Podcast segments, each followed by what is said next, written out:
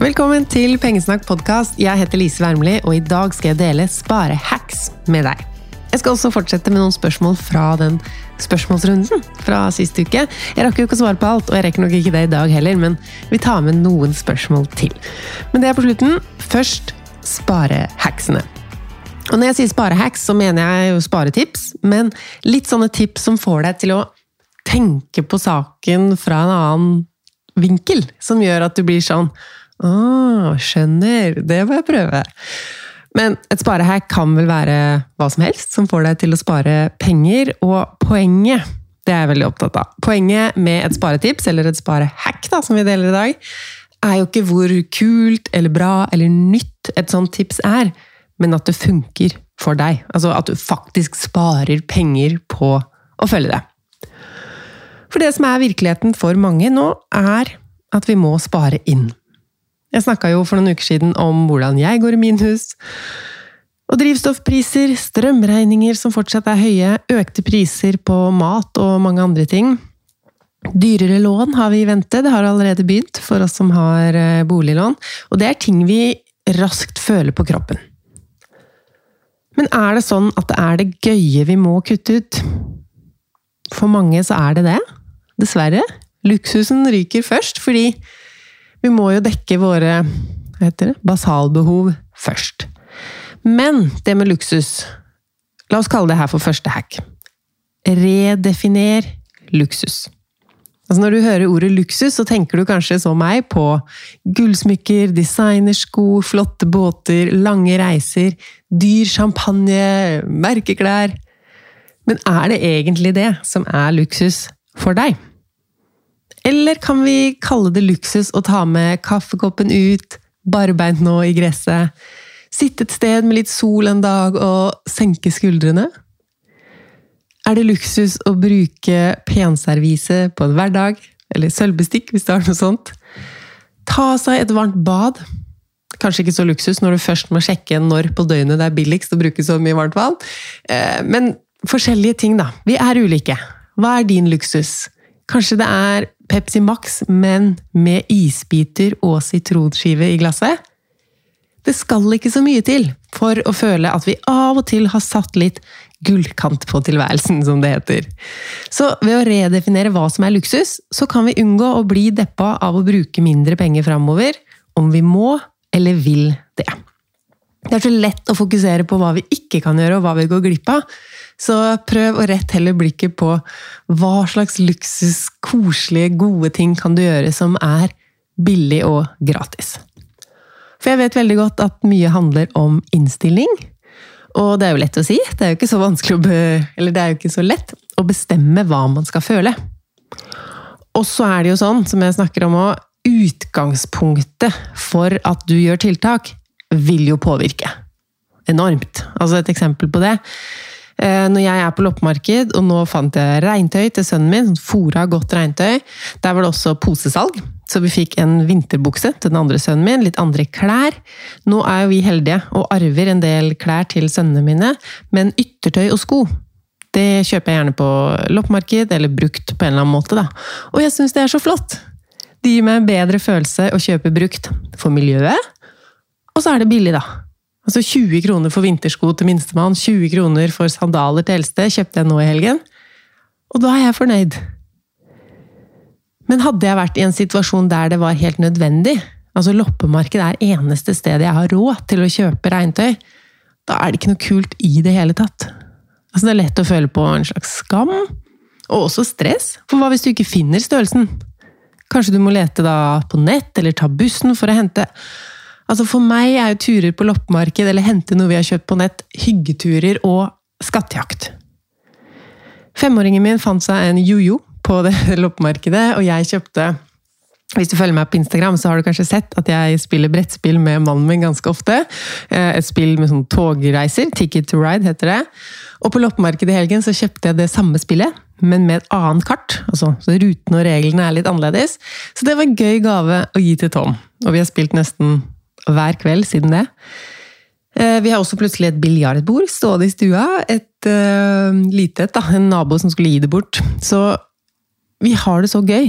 Altså, Ettåringen er litt for kort for det bordet, og vi heller kaster kulene. Altså, det, det kommer seg. Poenget Vi koser oss så mye med gratis og billige ting, men vi har også muligheten til å dra på ting som koster penger. Og det er så mye enklere å godta det og kose seg med det når det er et valg vi har tatt. Det er ikke en situasjon vi er i fordi vi må bruke lite penger på kos og gøy og moro. Så det som er stas for noen, meg, kan være tøft for andre. Det var en som spurte i Facebook-gruppa vår, Pengesnakkerne heter den, hvis du ikke er med der enda. Ehm, spørsmålet var når har sparingen gått for langt? Eller et eller annet sånt. Og da var det noen som trakk fram eh, liksom, forskjellige ting, da. Når man gjør sånn eller sånn, da har det gått for langt. Så sikkert ting som høres kjipt ut for den som skrev. Koke såpe var det ene eksempelet. Og jeg har jo vært på såpekurs og syntes det var så gøy! Så igjen, det kommer så an på bakgrunnen for det man gjør. Og så klart er det kjipt å leve på sparebluss når man må. Da gjelder det jo å ikke gjøre alle disse kjipe småtingene som egentlig ikke monner så mye, men å finne tiltakene som faktisk utgjør en forskjell i økonomien, og som du kan leve med å gjøre. Men tips nummer én blir altså å redefinere hva som er luksus, for det finnes luksus som er helt gratis og veldig billig. Så la oss fylle livene våre med det. Tips nummer to er en eh, god gammel eh, tankevekker, kan vi vel kalle det. Det handler om når du vurderer å kjøpe noe, se på prisen. Det var del én, se på prisen, det er jo viktig. Men hacket er å regne om denne prisen til timelønn. Sånn at vi får et annet syn på pengene og prisen. For hva er 200 kroner? Når du vet hvor mange minutter eller timer du jobber for de pengene, her må vi jo trekke fra skatt først også, så vil du kanskje holde litt hardere på lommeboka. Trikset fungerer så klart aller best om du hater jobben din, eh, men med deg for timelønn, eller månedslønn, kan du også regne om til timeslønn. Tenker også på deg som er flink til å ta ekstravakter og jobbe overtid. Hvis det er sånn at du belønner deg selv med hentemat Ingen som kaller det hentemat. Take away. Når du er flink og jobber ekstra, kanskje du faktisk spiser opp alt, eller mer, enn du tjener på de overtidstimene. Så det er verdt å se på. Forholdet mellom arbeidstimer og prisen for en ting du vurderer å kjøpe. Og hvis du driver for deg selv eller jobber med salg av egne produkter, så kan du regne om til hvor mange må du selge for å kunne kjøpe hva det nå er du vil kjøpe. Og da må du jo trekke fra først, da. Momsen, skatten, dine egne produktkostnader. Og dette kan jo føre så klart til at det blir vanskeligere å bruke penger. Så absolutt et tips som gir et annet perspektiv på prisen, for et tall er jo bare et tall. En annen ting du kan prøve, et tips jeg så på TikTok, faktisk. Hvis du skal kjøpe deg noe, eller vurderer, da. Uansett hva det koster, ta en liten pause, gå vekk fra PC-en hvis det er på nett, eller gå ut på gata. Eller i hvert fall se for deg at du møter noen på gata som spør «Eh, vil du ha den her gratis. Altså akkurat den samme tingen du vurderte å kjøpe. Um, si det er en ny sykkel, da. Det var jo noe jeg kjøpte meg nylig. Vil jeg ha den gratis? Ja, så klart. Tusen takk. Men så gir denne fiktive personen meg også valget Vil du heller ha pengene? Sånn at de står med det ene i den andre hånda, og akkurat samme summen som det kosta, i den andre hånda. Velger du da pengene, eller blir mer frista av å si ja takk til pengene, så betyr det jo at man verdsetter pengene, eller noe annet man kan kjøpe for den samme summen, høyere enn sykkelen eller hva det var. Det funker jo veldig godt for småkjøp òg. Altså, vil du ha 200 kroner, eller vil du ha denne sushien gratis? Så det handler ofte om å få et annet perspektiv på prisen. Hack nummer fire, vi er allerede på hack nummer fire nå, eh, det er å gjemme sparekontoen din. Og hvorfor er det lurt å gjemme sparekontoen? Eller kanskje mer, hvem er det lurt for? Og det er jo for deg som stjeler fra din egen sparekonto. Eller låner. Uansett, ikke meningen å shame noen ved å kalle det stjeling. Jeg er så takknemlig for deg, og at du nå hører på denne podkasten, det forteller jo at du er ivrig på å få til større ting i økonomien din, enn du har gjort til nå. Kanskje sparer du mer enn meg, kanskje mindre. Kanskje syns du jeg gjør mye dumt, men uh, vi er venner. Vi er her for å lære alle sammen, og jeg lærer så utrolig mye av dere. Altså, podkasten her er jo veldig enveis, men i sosiale medier, spørsmålene dere stiller Jeg setter pris på hver og en av dere. Og jeg vet at Kanskje ikke akkurat du, da, men mange som hører på, har blitt frista til å ta penger fra en sparekonto som var ment til noe annet. Kanskje var det ment som buffer og ble brukt på ny hund, så jeg unner deg hunden, men med hunden trenger du faktisk en større bufferkonto. Og det er jo ikke bare innkjøpet som er dyrt, det er løpende utgifter til mat, f.eks. Um, dyreforsikring. Men poenget var, hva kan vi gjøre? Et simpelt hack flytt sparinga. Bufferkontoen, pensjonssparingen, egenkapital, feriesparing, hva enn det nå er. Flytt alle pengene over i en konto i en annen bank. En konto de ikke har noe kort til.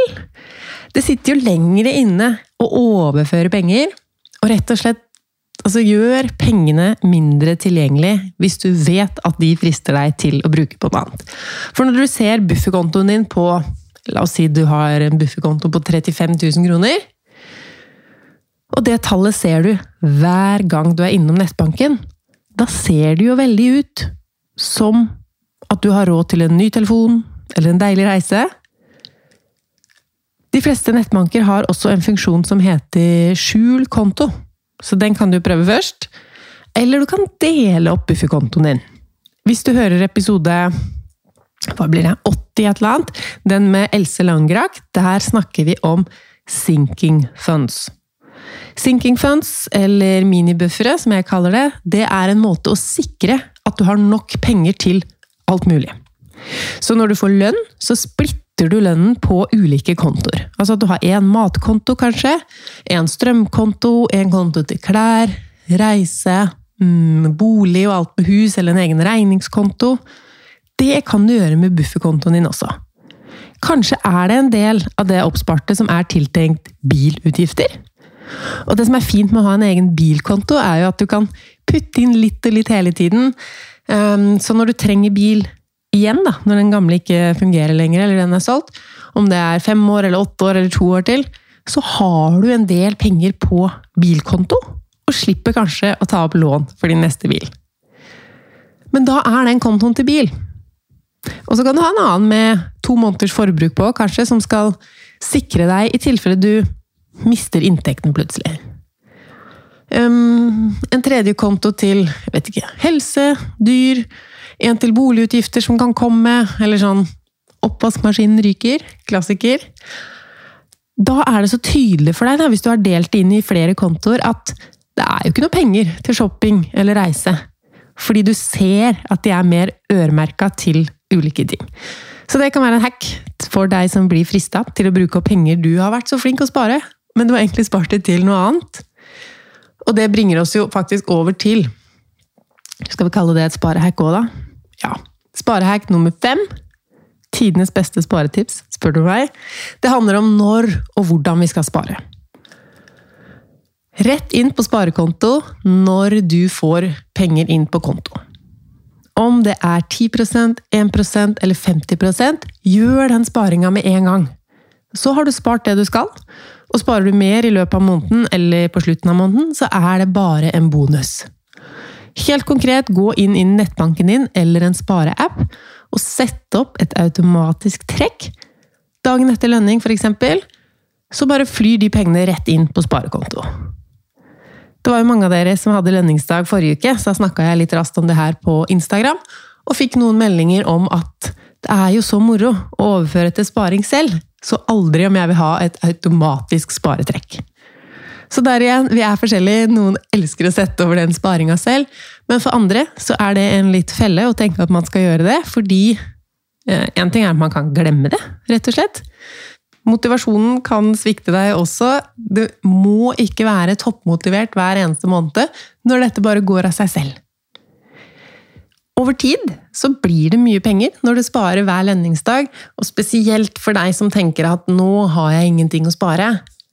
Sett over en hundrelapp eller en tohundrelapp til sånn automatisk sparing med en gang lønna di kommer inn. Da har du mest penger på konto, da merker du det minst, og så har du i hvert fall en ørliten buffer når det skjer noe. Så har vi kommet til et hack som jeg har snakka mye om i det siste, fordi jeg har blitt helt frelst. Uh, hvordan det kan være et skikkelig hack, er jo rart, men det funker på meg. Eller funker. La meg si først hva det er, da. Ukesbudsjett på mat.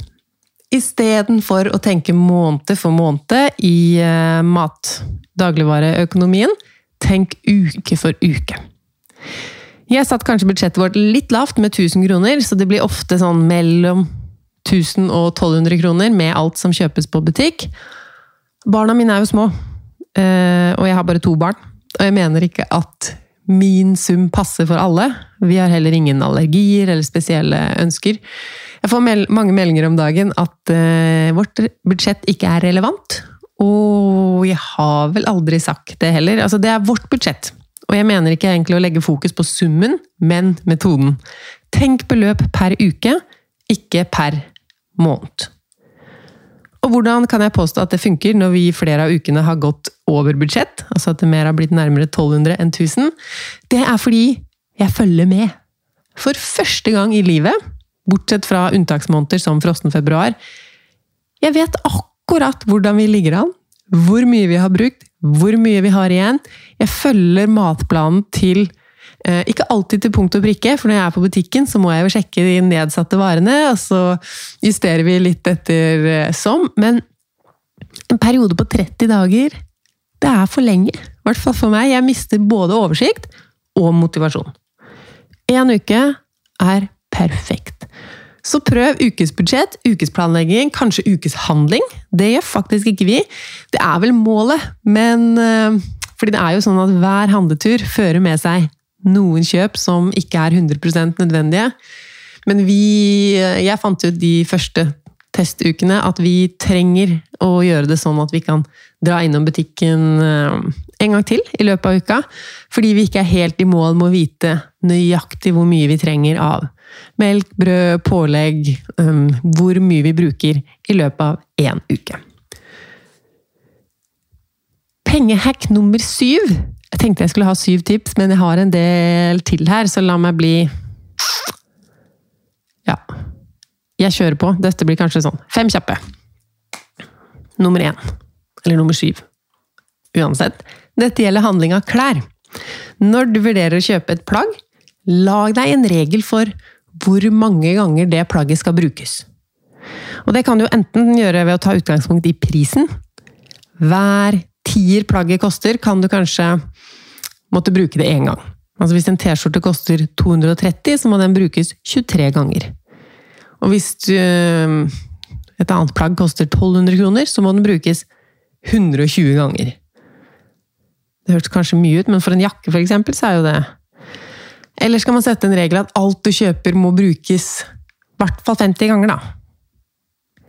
Vi kan ikke drive med bruk og kast på klær lenger. Et annet hack er jo forresten å sette seg inn i både miljøpåvirkning klesproduksjon har, men også arbeidsforhold. Altså de fleste av klærne våre, hvordan de er produsert, og hvem de er produsert av. Da får man veldig mye mindre lyst til å kjøpe fast fashion og spare penger samtidig. Et annet sånn shoppetips Jeg laga forresten en video med ti sparetips. Sånne kalte det shoppetips for deg som egentlig ikke vil shoppe, men spare penger. Jeg legger en link til den i episodebeskrivelsen, for der er noen fine sånne hacks du kan bruke. For eksempel Ville jeg kjøpt denne tingen om ingen fikk vite at jeg eide den. Altså, det du kjøper, eller vurderer å kjøpe, du får ikke lov til å vise det fram. Er det fortsatt like interessant for deg å eie den? For da får du følt på om det er for deg selv eller for din familie du kjøper noe, eller om det er en fasadegreie. Hva setter vi egentlig pris på? Ta deg heller råd til det enn noe du kjøper for å rett og slett tøffe deg. Neste er å si nei takk til reklame. Én ting er å ha det klistremerket på postkassa. Det er enklere å ikke bli frista av tilbud på ting du ikke trenger, når du ikke vet at det er tilbud engang. Og vil du ha tilbudsavis fra matbutikkene, så kan du lese dem digitalt. Og da er det jo du som oppsøker tilbudsavisen, ikke sant? Ikke sånn at de kommer i postkassen, og du blir eh, inspirert eller frista til å kjøpe ting du ikke nødvendigvis trengte. Samme greia med nyhetsbrev på e-post. Unsubscribe, unsubscribe og avmeld fra sånne nyhetsbrev. Spesielt de som du liker aller best. For det er jo de som får deg til å kjøpe ting. Så dine favorittbutikker Tjener du penger på å være på nyhetsbrevslista di, eller bruker du mer enn du egentlig har lyst til? Opp til deg. Jeg vil jo heller at du skal kjøpe det du trenger og ønsker deg. At det er ting du ja, som sagt, virkelig trenger og ønsker deg, og at du heller kjøper det til full pris, enn å kjøpe ting som på en måte lønner seg. Denne reklamen er jo laget for å få oss til å føle at vi går glipp av noe om vi ikke kjøper. Og det stemmer jo veldig sjeldent. Det er jo også deilig å få inn færre e-poster. Blir sånn ryddere i innboksen og litt ro i sjela der, altså. Og alle e-poster, til og med mitt nyhetsbrev, hvis du har lyst til å melde deg av det. Der er det jo mer eh, spareinspirasjon, men eh, en gang i året så reklamerer jeg jo for Pengesnakk-almanakken. Helt nederst i alle sånne mm, nyhetsbrev så står det enten unsubscribe eller avmeld. Neste tips er mikrosparing. Eh, jeg er alltid i tvil om jeg skal ta med det tipset, for jeg er ikke så glad i det sjøl. Eh, mikrosparing det har litt ulikt navn i ulike banker, men det er en sånn sparemåte der det trekkes Du velger beløpet selv, om det er 5, 10, 20 eller 50 kroner, hver gang du drar kortet. Mange elsker, vet jeg, å finne den kontoen etter et år. Um, så jeg får ha med det tipset. Selv så bare føles det så feil at for å spare, så skal du bruke. Fordi jeg tenker mer at sparing er jo å ikke bruke. Men uh, funker det for deg, så funker det for deg, og da sparer du penger på å sette opp en sånn avtale med banken din. Bare pass på, hvis du liker å hente ut de pengene ganske ofte, så er mange av de kontoene har uttaksbegrensninger. Så hvis du begynner å ta ut penger over det taket de har satt for antall ganger du kan ta ut penger, så betaler du et gebyr. Og da er det jo bedre å ikke trekke den tieren fra kortet hver gang, men heller ha det på konto. Og så siste Nei, nest siste. Jeg må, må, ha med mange tips her. Det handler om å endre mottakerkonto på VIPS. De fleste har jo VIPS i dag for å sende og motta penger. Veldig kjekt når man driver med bruktsalg. Kjøpe ting og selge ting brukt. Eller hvis man legger ut for vennegjengen. Men der går det an at de pengene du sender ut, at det kan gå fra din vanlige konto, men penger som kommer inn til deg via VIPS, kan du sette kontonummeret til sparekontoen din. Sånn at når noen betaler deg tilbake, så havner det rett på sparing. Eller alle salgene du gjør via bruktsider. Alt det havner på en sparekonto som blir stående der og vokse. Dette er jo i hovedsak småbeløp, kanskje, du får inn på VIPS, så det er jo ikke penger du savner på din vanlige brukskonto. Så det er et litt sånn kult spare-hack. Siste. Dette får bli siste. Spar pengene du sparer. Wow. Altså, hvis du sparer, eller tenker at du sparer, og det gjør vi jo gjerne når vi kjøper noe til nedsatt pris. Kjøper vi noe på 40% så føles det jo ut som vi har spart. Men hva er det å spare? Jeg tenker på sparing som en to trinnsprosess. Altså du kan du sparer penger på å ikke bruke de på noe unødvendig, eller kjøpe noe til lavere pris, men du har jo ikke egentlig spart hvis ikke de pengene også havner inn på sparekontoen din. Så dette hacket går rett og slett ut på at når du kjøper noe til redusert pris, så overfører du det beløpet, altså mellom hva du betalte og hva det kosta til full pris, til sparekonto. Det fører jo også med seg at tingene for deg koster litt mer. Du må jo se har jeg virkelig lyst til å kjøpe det til full pris? Fordi selv om noe går inn på sparing, så forsvinner jo pengene fra brukerkontoen din. Kan gjøre det samme hvis du låner en bok på biblioteket istedenfor å kjøpe den. så kan du spare det beløpet inn på sparekonto. Det gjelder så klart ikke når det er helt nødvendige ting som sko. Hvis du uh, ikke har så mye penger og finner noen rabatterte sko, så skal jeg ikke tvinge deg til å spare noe. Men det er uh, et sånn morsomt hack og nyttig for å bevisstgjøre seg selv på sparer jeg egentlig penger når jeg går her og handler og tenker at jeg sparer.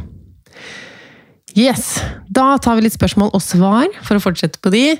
Uh, det blir ikke alle. Vi får jeg tenkte jeg nå skulle kjøre en gang i uka på Instagram med en spørrerunde, så flest mulig av dere får svar. Så hvis du ikke allerede følger meg på Instagram, la oss bli venner der også. Jeg heter Pengesnakk. Er det lurt å flytte billån inn i boliglån hvis jeg fortsetter å betale like mye? Og det kan være lurt. Her, som eh, mye annet med lån, så kommer det an på renta. Så hvis renta på billånet ditt er 4% og renta på boliglånet ditt er 2% så er jo det et godt regnestykke. Det du sier på slutten der, er jo det aller viktigste. Du fortsetter å betale like mye hver måned. For det som kan skje, da, det som er fellen ved å gjøre det her, hvis du har plass i boliglånet ditt til å bake inn bilen, som man kaller det, eller bake inn et forbrukslån, så blir jo nedbetalingstiden på det nye beløpet strukket over så mange år. Hvis du har 20 år igjen på å nedbetale boliglånet ditt, så blir jo plutselig dette billånet, som kanskje planen var å betale på fem år, strukket like langt.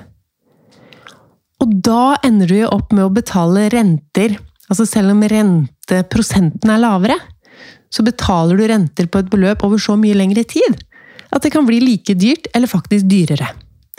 Så skal du gjøre en sånn løsning, sørg for at hvis det var 10 000 du betalte på boliglånet og 4000 på billånet, sørg for at du nå betaler 14 000 på boliglånet, selv om de i banken kanskje tenker at da betaler du 12 000.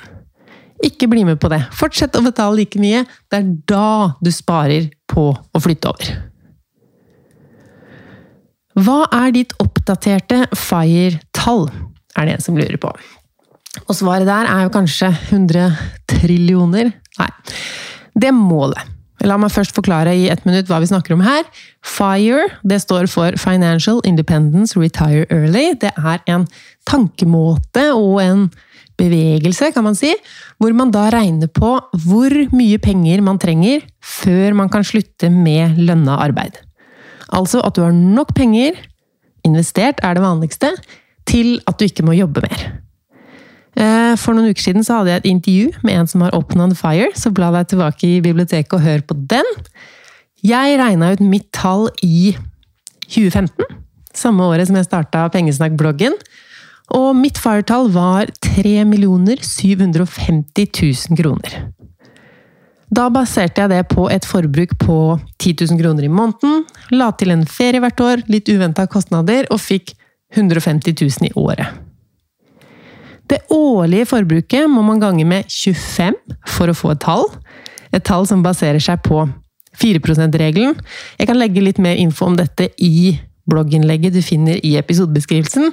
Men da fikk jeg 3 750 kroner, som har vært mitt sparemål i syv år nå. Ved siden av å ha 3 750 000 kroner i aksjemarkedet, så må jeg ha nedbetalt bolig. Skal forbruket være 10 000 i måneden, så har jeg ikke råd til å drive og betale på et boliglån. Ehm, den gangen jeg satte opp regnestykket, så hadde jeg eh, nesten hvert fall nedbetalt bolig. Men ikke nå. Så målet er, altså selv sånn som det er nå, blir det vanskelig å nå målet mitt innen 40-årsdagen min om fem år, som var den datoen jeg hadde sagt. Og så må jeg i tillegg øke det. Fordi utgiftene mine er høyere enn 10 000 kroner i måneden nå. Selv om man trekker fra oppussing og boliglånsrenter jeg betaler. Så her er det jo barnehage og sånne ting som jeg ikke skal ha for alltid, men allikevel tallet må justeres opp. Kanskje kan jeg heller ikke basere meg på at snittavkastningen i aksjemarkedet er på 4% etter inflasjon. Så det jeg gjør nå, holder på med nå eh, Jeg beholder mitt gamle sparemål. Det er noe med det tallet. Det er fortsatt så høyt, og jeg mangler fortsatt så mye, at eh, jeg sparer mot det, og regner på nytt når jeg føler for det. Kanskje en litt slapp holdning, men prioriteringen min har jo aldri vært å slutte å jobbe så snart som mulig, egentlig. Jeg har ikke sett for meg å slutte å jobbe. Jeg liker å jobbe, liker å tjene penger. Det er liksom en uh, drivkraft i det. Um, og hvis jeg tenker at jeg nå slutter helt å spare til FIRE Jeg har faktisk vært innom tanken på det, fordi den friheten jeg vil ha, har jeg mye av allerede.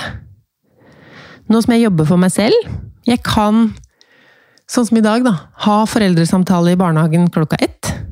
Kunne jo fått til det med en 8-16-jobb òg, men da er liksom klokka ett et litt klønete tidspunkt. I alle fall når jeg har to barn i barnehagen, og den andre hadde møte klokka ett for to uker siden. Så er det møte i arbeidstiden om skolestart, 17. Eh, mai-feiring, eh, dagen før 17. mai klokka to. For ikke snakke om alle ukene med sommerferie. Så det er den friheten til å Jeg er jo en person som blir fort stressa. Så det å kunne organisere livet rundt jobben Nei, omvendt. Jobben der det passer i livet. Og kunne følge opp der det trengs. Eh, ha en sånn fleksibilitet som F.eks. nå for noen uker siden delta på et forskningsprosjekt på Ullevål. Nå havna jeg i en gruppe som ikke skal gjøre så mye resten av året, men Sånt ville jeg tenkt før. Og hvor mye tid tar det av arbeidstiden? Kan jeg få til det her? Eh, jeg hadde liksom lettere takka nei hvis jeg hadde jobba fullt. Og det trenger jeg jo ikke nå. Så den friheten jeg ønska meg med FIRE, har jeg mye av allerede. Selv om jeg fortsatt er avhengig av å tjene penger, da. Og hvis jeg slutta å spare til økonomisk uavhengighet, FIRE, så har jeg jo faktisk 1,5 million nå i aksjefond, som står og vokser. Vokser ikke akkurat nå, da. Men eh, si jeg vil vurdere å pensjonere meg når jeg blir 50 år, da. Eller ikke vil jobbe mer, da. Da kan jeg begynne å ta ut penger av det når det passer meg. Og selv om jeg ikke lever av avkastningen, at ikke det, avkastningen er stor nok, men at jeg også må ta litt av de pengene jeg satte inn, så har jeg jo veldig mye penger. Så jeg er opptatt av FIRE. Fascinert av regnestykkene, og at penger det å samle på penger, at det kan gi en så stor grad av frihet. Men den sparingen til FIRE den skal ikke gå utover livet jeg ønsker å leve nå, selv om det gir meg et så verdifullt perspektiv på all pengebruk. Kanskje det er det største sparehacket. Tenk på penger brukt, eller penger du vurderer å bruke, som at du da bruker opp litt av den friheten du kunne fått om en stund. Så i år for eksempel, har jeg et år, kanskje blir det to år, hvor nesten alle sparepengene mine går inn i huset vårt. Og det er også helt greit, selv om det i et FIRE-perspektiv er helt på trynet. Eh, så mener jeg at jeg har så mye investert. Ingenting av det jeg har spart, er bortkasta. Men jeg gidder ikke å regne på et nytt FIRE-tall nå, fordi det ville ikke motivert meg til å gjøre noe annerledes. Jeg eh, sparer fortsatt, jeg investerer fortsatt, men jeg har et liv som er viktigere enn drømmen om arbeidsledighet og fullstendig frihet. Skal jeg opprette fond i barnets navn eller foreldrene sitt? Tidligere så var det jo sånn at man gjerne ville gjøre det i barnets navn, så man slapp arveavgift. Nå er det jo ikke noe arveavgift, så man kan overføre det når man vil. Ting kan jo bli gjeninnført, men eh, akkurat nå er jo ikke det noe å tenke på sånn sett. Ulempen ved å ha sparepengene i barnets eget navn Nå håper jo jeg at jeg greier å gi barna mine en såpass god økonomisk oppdragelse at de vil forvalte de pengene smart etter de har fått de. Men når de er barnets egne, altså i barnets eget navn, så eier jo barnet pengene, og har råderett over de når de blir 18. Så da, hvis jeg hadde spart i sønnen min sitt navn, så kunne jo han kjøpt eh, russebuss, dratt til Syden, gjort ting som jeg mener er det vi på en måte har spart hver eneste måned i 18 år, for at han skulle bruke de pengene på. Når vi velger å ha pengene i vårt navn, så kan jo vi bestemme om han skal få de Altså om de skal brukes til konfirmasjonsfeiring eller språkreise. Om man ikke skal få se eller vite om de pengene før han er eller de, begge to, da, de har hver sin konto som heter dem sine navn. Så det er liksom veldig tydelig at det er dem sine penger. Men det er jeg som eier de pengene, og kan velge da om de skal få de når de er 30 eller 14 eller 18 eller 50. Altså når det passer. Det har vi full råderett over, og kan da Hadde det stått i barnets navn, hadde ikke vi hatt noe vi skulle ha sagt etter barnet fyller 18. Så jeg kan ikke gi deg noe fasit, men vi har i hvert fall valgt å spare i vårt navn. Så er det en som spør jeg vil gjerne begynne å spare, men jeg skjønner ikke bæra av fond. Hvor begynner jeg? Og det har vi jo en del episoder om her i eh, Pengesnakk. Jeg kan legge linker i episodebeskrivelsen, eller det innlegget innafor der. Nå blir det fullt av linker inni der, men fond er en samling av aksjer. Så det er jo for deg som vil være investert i aksjemarkedet, fordi aksjemarkedet på sikt er noe som vokser, og gjør at du kan tjene penger på pengene dine. Grunnen til at man gjerne vil investere i et fond istedenfor aksjer, er at fond Da har du flere aksjer, så da går det an at noen av aksjene dine gjør det dårlig. Men fordi du har så mange, og andre som gjør det bra, så kan du fortsatt gjøre det bra, selv om et par av selskapene går bra konkurs. Så det du begynner med, er jo å sikre at du har god nok økonomi til å kunne investere. Da handler det om at du ikke har noen dyre lån. Det handler om at du har en bufferkonto. Fordi det som er med fond, selv om det er litt mindre risiko enn aksjer, enkeltaksjer, så er det jo fortsatt aksjer, og i aksjemarkedet. Så om f.eks. aksjemarkedet går ned 30% så er jo pengene dine 30% mindre verdt. Så derfor vil du ha en buffer utenfor. Du vil ha en så langsiktig tankegang at du kan vente til det svinger opp igjen før du tar ut pengene. Jeg begynte med å lese veldig mye, jeg måtte forstå mye før jeg turte. Skulle jeg gjort det på nytt, så hadde jeg testa litt samtidig. Å investere, Det går jo an å investere 500 kroner i måneden eller 100 kroner i måneden i noen type kontoer. Da er det en læring, samtidig som um, du kan lære samtidig med å lese, følge med, men også har dine egne penger investert, og finner ut hvordan føles det her på kroppen. Hvor kjipt syns jeg det er at det synker?